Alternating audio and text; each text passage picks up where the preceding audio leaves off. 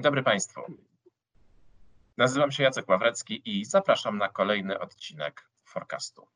Forecastu, gdzie mówimy o zrównoważonych rozwiązaniach, o przyszłości energetyki, o przyszłości polskich miast, nie tylko polskich miast, o przyszłości świata. A moim gościem dzisiaj jest prezes Instytutu Jagiellońskiego, pan Marcin Roszkowski. Dzień dobry Państwu. Jak na przyszłość świata to jest duże wyzwanie, które musimy tutaj ogarnąć. Mam nadzieję, że damy radę. No to może zacznijmy od prostszych rzeczy. Ja myślę, że wiele e, osób e, doskonale wie, czym się zajmuje Instytut Jagielloński, ale gdyby mógł Pan w dwóch słowach przedstawić tę instytucję. No, my się zajmujemy jako think tank, zajmujemy się energetyką, infrastrukturą, E, kwestiami konkurencyjności polskiej gospodarki i staramy się te trendy, o których pan e, dyrektor tutaj mówił, zlokalizować, znaleźć szanse dla polskiej gospodarki. Jako think tank to jest nasze, nasze zadanie. Oczywiście mamy też zadania wynikające z polityki historycznej, ale tutaj są takie głównym moim zainteresowaniem są właśnie kwestie energetyczne, infrastrukturalne, klimatyczne.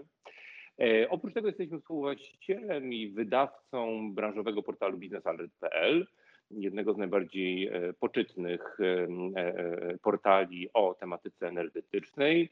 Nasi dziennikarze codziennie około 40-45 nowych tekstów o rynku energii dostarczają. Zapraszam do czytania. Na pewno to jest fajny, fajny punkt do dyskusji. I staramy się też podchodzić do tego na takiej zasadzie e, e, rynkowej, tak jak Adam Smith opisywał rynek. Rynek to jest takie miejsce, gdzie się popyt i podaż na informacje zbierają w jednym miejscu i staramy się właśnie e, nawigować, agregować takie miejsce, na którym te ciekawe rozwiązania i trendy się przecinają i wypracowują. Czytuję też Business Alert. Adam Smith mówi o, mówił o popycie i podaży. A ja bym zaczął od jednego cytatu, cytatu z Nilsa Bora, że prognozowanie jest trudne, zwłaszcza jeżeli dotyczy przyszłości. I chciałbym porozmawiać troszeczkę o, o przyszłości. E, w tej chwili mamy sytuację taką, że pandemia spowodowała na rynku energetyki e, ciekawe zjawiska. Z jednej strony e, spadły ceny energii, a z drugiej strony każdy z nas, kto siedzi w domu przez cały dzień, nie chodzi do pracy, zauważa, że wzrosły rachunki, bo więcej tej energii zużywamy.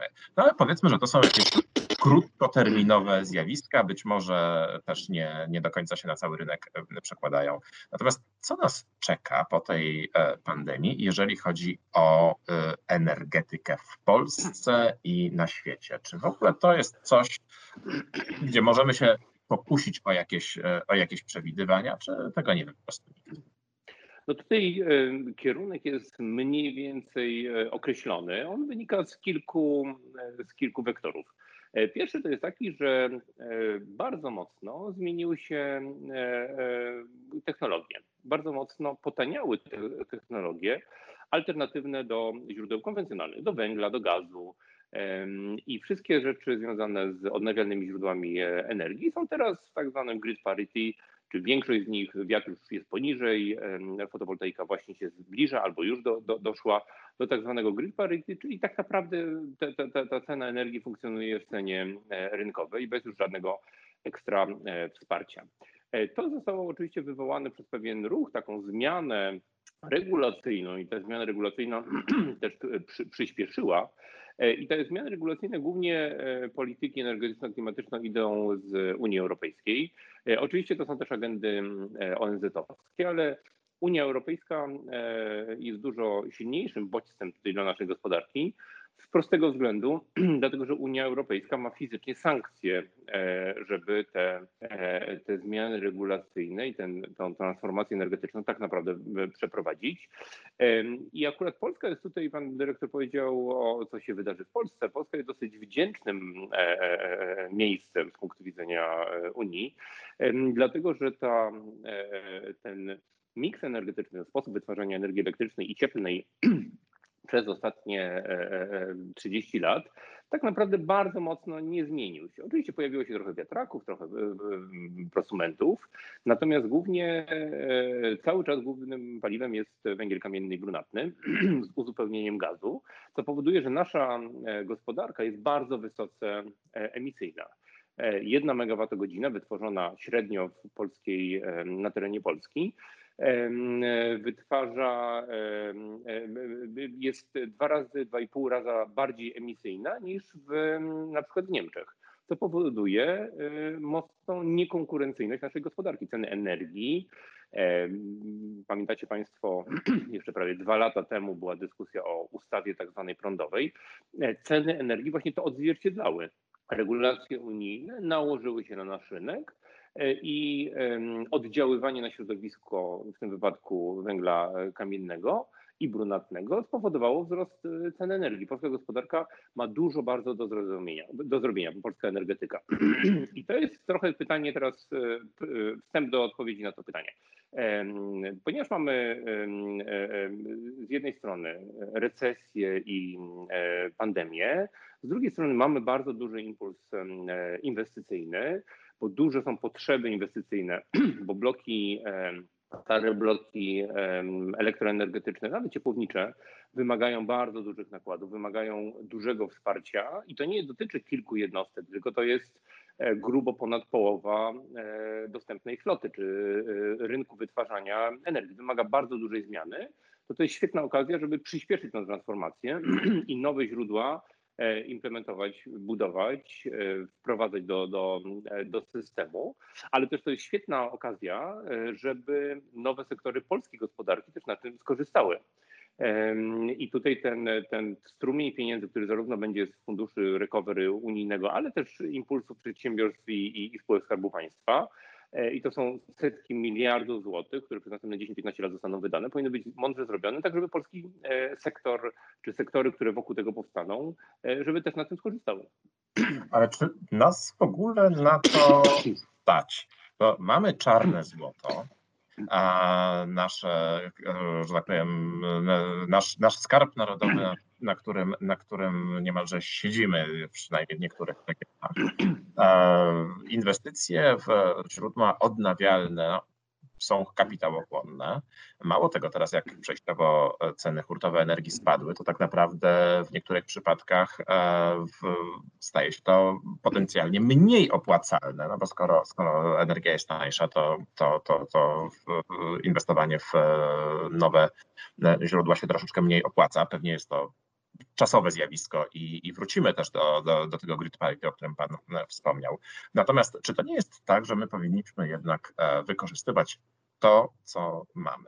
E, I troszeczkę w ten sposób, jaki przecież idą Niemcy. Oni cały czas produkują bardzo dużo energii z węgla brunatnego. Owszem, mają drogę do źródeł odnawialnych, natomiast być może powinniśmy wykorzystywać e, to, co mamy najlepszego. No, więc węgla mamy nawet na, nie na 200 lat, tylko pewnie na 1000 lat. Tylko problem z węglem e, kamiennym, to zacznijmy od tego, jest taki, że w Polsce wydobywa się go po prostu fizycznie coraz mniej. Przez ostatnie 30 lat średnio o 3-4% spada wydobycie rok do roku. E, więc e, węgla kamiennego mamy po prostu bardzo coraz mniej. Te dyskusje i te informacje prasowe, że rośnie import, właśnie są tym spowodowane. A dlaczego rośnie? Są... Skoro mamy na tysiąc lat. To jest bardzo proste. Utrzymywane są nowe moce węglowe. Węgla rodzimego jest coraz mniej i jest coraz droższy, więc rośnie luka popytowa. Popyt na e, e, elektro, elektrociepłownie, elektrownie opalane węglem e, kamiennym po prostu potrzebują paliwa, a polskie kopalnie dostarczają go coraz mniej. I niestety jest też tak, że ten węgiel polski jest coraz mniej, coraz mniej konkurencyjny, bo drugim elementem jest to, że on jest wydobywany w tych 17 czy 18 kopalniach węgla kamiennego cały czas. Cały czas tych samych podkreślę, czyli jest on coraz głębiej, jest de facto coraz droższy, więc on przegrywa konkurencję z, z, z tak zwanym rynkiem, no bo rynek węgla kamiennego po pierwsze jest, jest on dosyć płynny i można go przywieźć nawet z Ameryki Południowej, a jak widzimy e, niektóre sytuacje, także z Federacji Rosyjskiej. Więc to wszystko się nakłada też na to, że e, udział e, producenta, właściciela, czyli państwa jest tutaj dominujący. No efektywność tego sektoru jest po prostu nieduża. Tam jest dosyć mocne uzwiązkowienie. I co prawda związki już nie mają takiej siły, jak jeszcze 5 lat temu czy, czy 10 lat temu, natomiast ten sektor jest bardzo mocno niestety nie, nie, nie rynkowy. E, do tego mamy kolejny element tego czarnego złota, w zasadzie brązowego złota, czyli węgiel brunatny. Węgiel brunatny, tak jak Państwo wiedzą, jest spalany tam, gdzie jest mniej kaloryczny na, na, na tonę, jest spalany tam, gdzie jest wydobywany. Czyli w takich miejscowościach jak Bełchatów czy Turów i e, w tych, e, w tych odkrywkach e, węgiel brunatny po prostu połowie lat 30. się skończy. A w Turowie może trochę dłużej, ale przed końcem lat, przed początkiem lat 40. węgiel brunatny po prostu fizycznie w Polsce się skończy. Więc jakby mamy dwie, dwa trendy, oprócz tych, o których mówiliśmy, takich globalnych czy unijnych, że fizycznie paliwa, które napędzały polską energetykę przez lata, przestają być dostępne. A te perspektywy za 15 lat, to perspektywa za 15 lat w energetyce, to jest perspektywa krótka i do tego trzeba się przygotować. I tutaj tak naprawdę dużo więcej nie można e, zrobić na tych mocach, które, które do tej pory funkcjonują. E, stąd też e, tak naprawdę dyskusja jest, jaki model elektroenergetyki ciepłownictwa i jakie technologie powinny być wspierane. Dwa, dwa, główne spory są takie, jak to, że tak powiem, zbalansować, bo my uważamy i uważamy, że to jest słuszna e, konstatacja, że nie ma jednego dobrego rozwiązania dla Polski i trzeba zastanowić się, policzyć, co tak naprawdę będzie nam się najbardziej opłacało i gdzie dostaniemy najtańszą energię dla końcowych odbiorców, dla firm i dla, e, dla przemysłu firm, ale też dla, dla e, mieszkańców. I teraz są jakby dwa główne kierunki. Jedno to jest rozwiązanie atomowe, e, które e, ma kilka wad i zalet. Jedno jest takie, że to też jest technologia e, zeroemisyjna.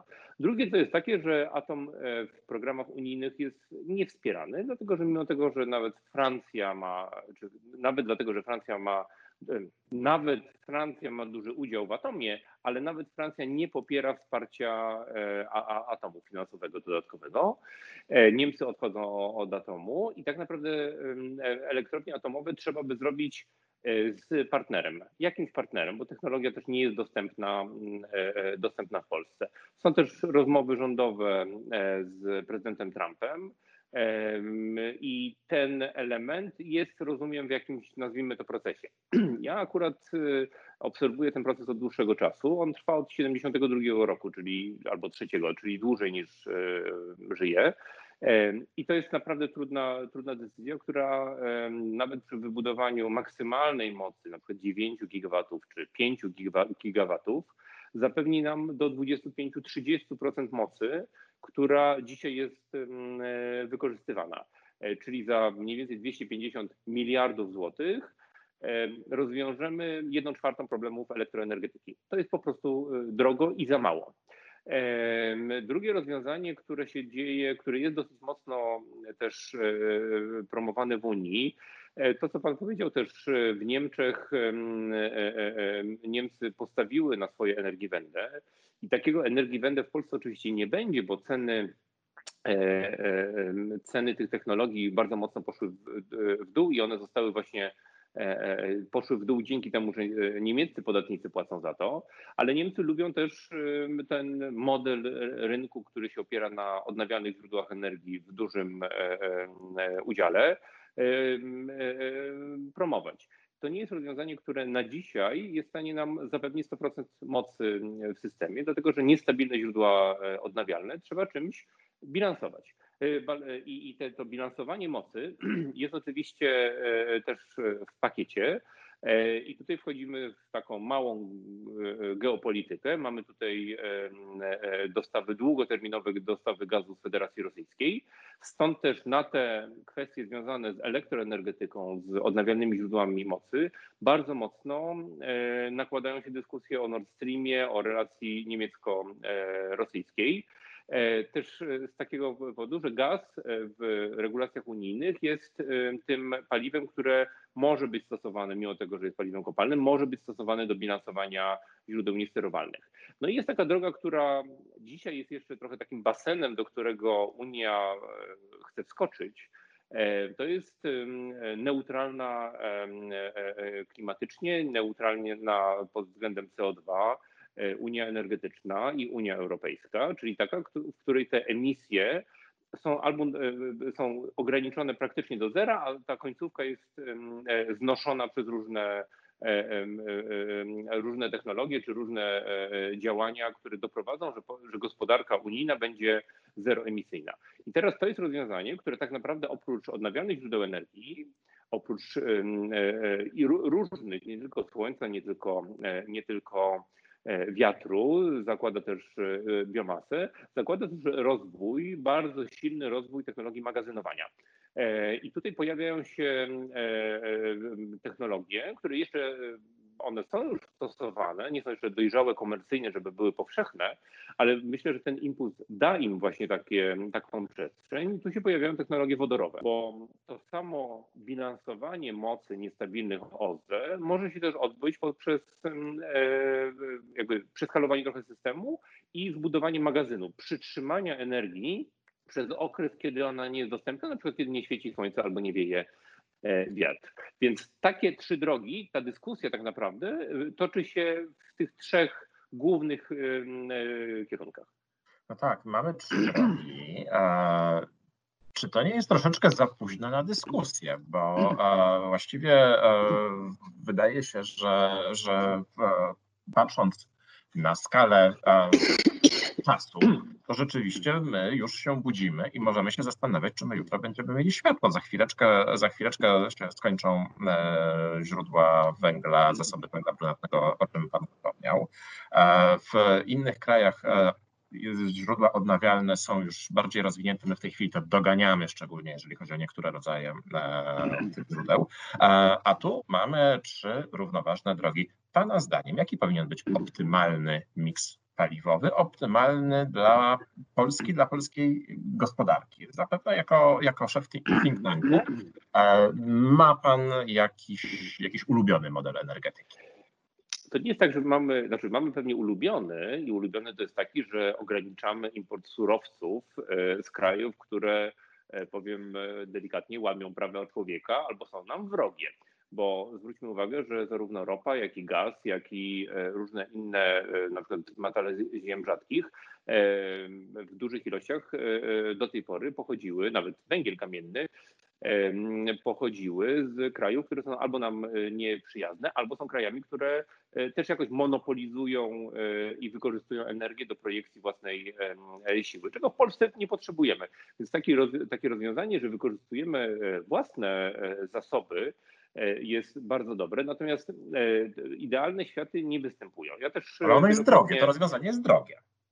To rozwiązanie jest e, drogie, ale ono przede wszystkim nie ma, nie ma jeszcze technologii, które są powszechnie roz, dostępne. Ten skok do basenu, który jest właśnie napełniany, o którym mówiliśmy, który Unia nam proponuje, to jest tak naprawdę rozwiązanie, żeby prze, przechylić, tak, prze, przesunąć wajchę i w Unii Europejskiej wynaleźć i upowszechnić komercyjnie technologie wodorowe, które zbilansują wodór na przykład tworzony z elektrolizy, czyli zielony wodór, który będzie wykorzystywany w, w, takim idealnym systemie, który sobie Unia zaplanowała.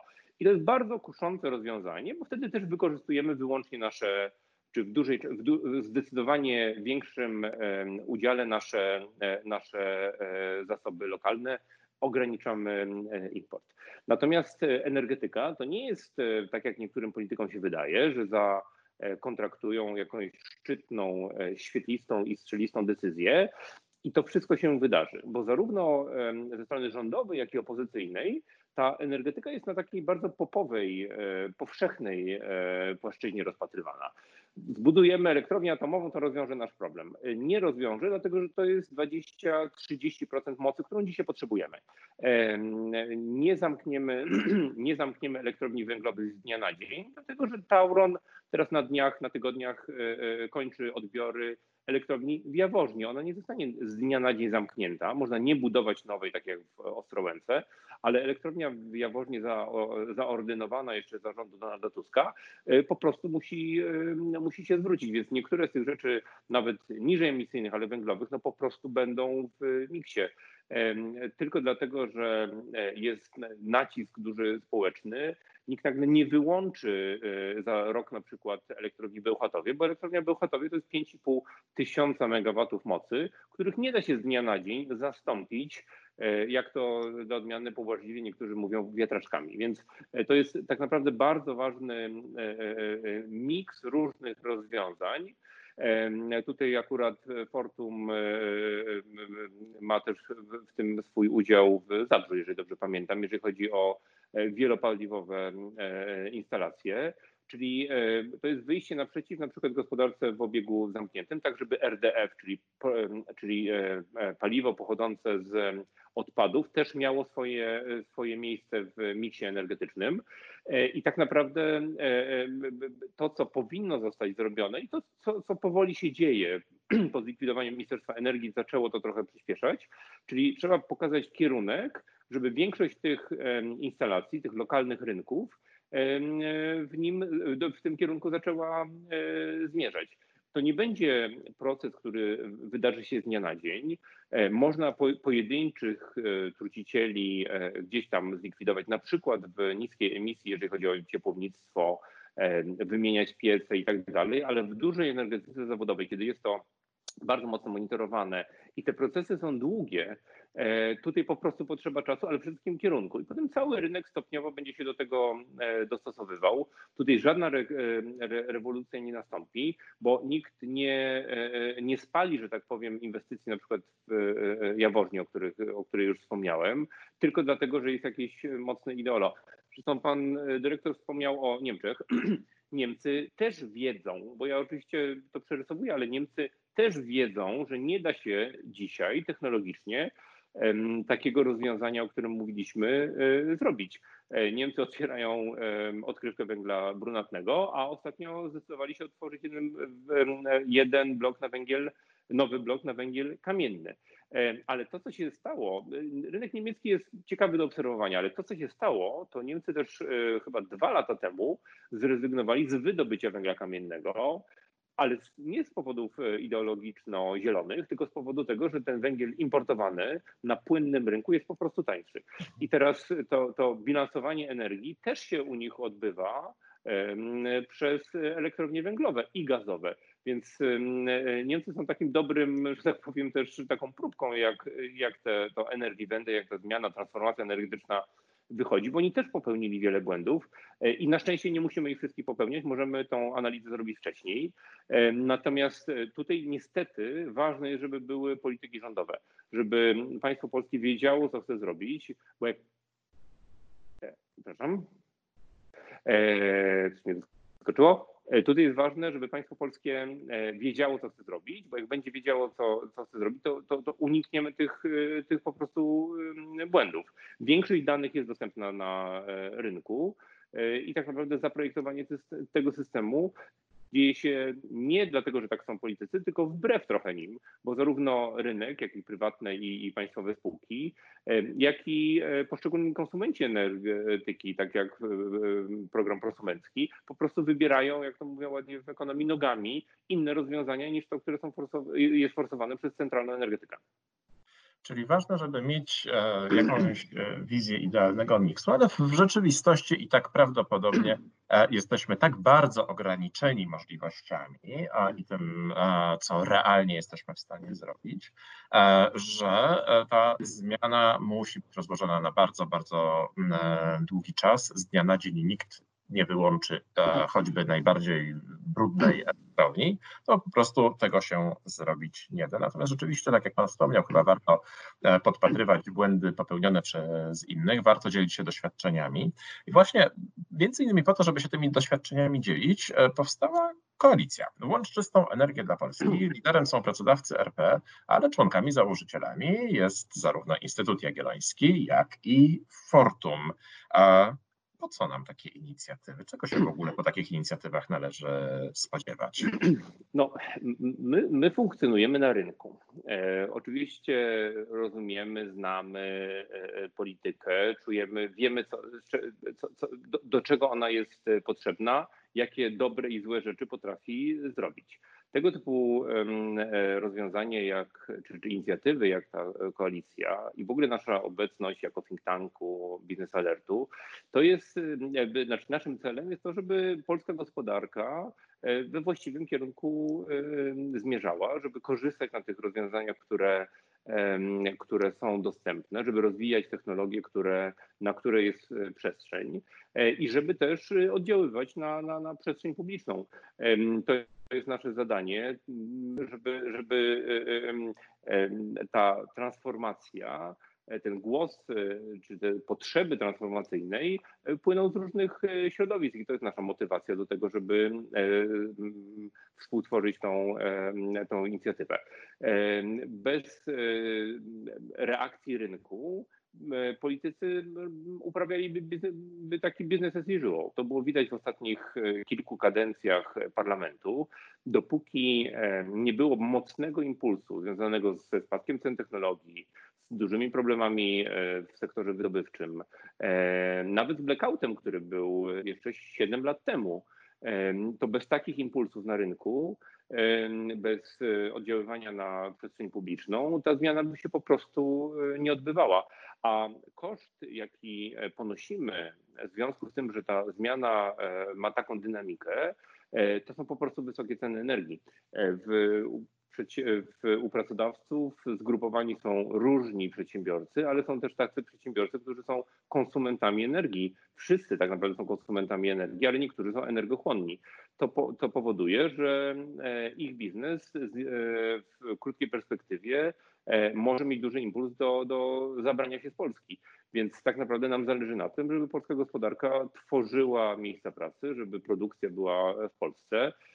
Jeżeli jest to kosztem tego, żeby nowe technologie, nowe rozwiązania technologiczne były wprowadzane żeby przy okazji, żebyśmy mieli trochę lepszą, lepsze powietrze i lepsze, lepsze środowisko, no to myślę, że to jest e, właściwy kierunek. Stąd też wspieramy tego typu inicjatywy to podejście, żeby dawać impuls, to podejście, żeby, żeby angażować e, innych w kierunku czystszej energetyki, czystszego wytwarzania energii, czystszego świata ogólnie rzecz biorąc, jest też nam w Portum bardzo bliskie. To, to, to nawet niemalże tak nazywa się, tak, tak brzmi nasza misja.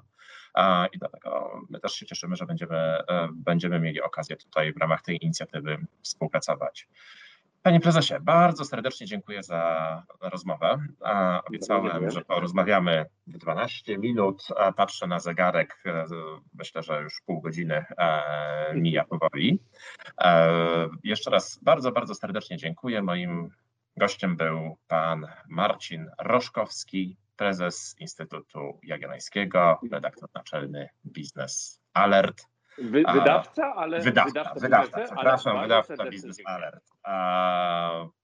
Jednego z najbardziej poczytnych e, portali e, biznesowych i gospodarczych.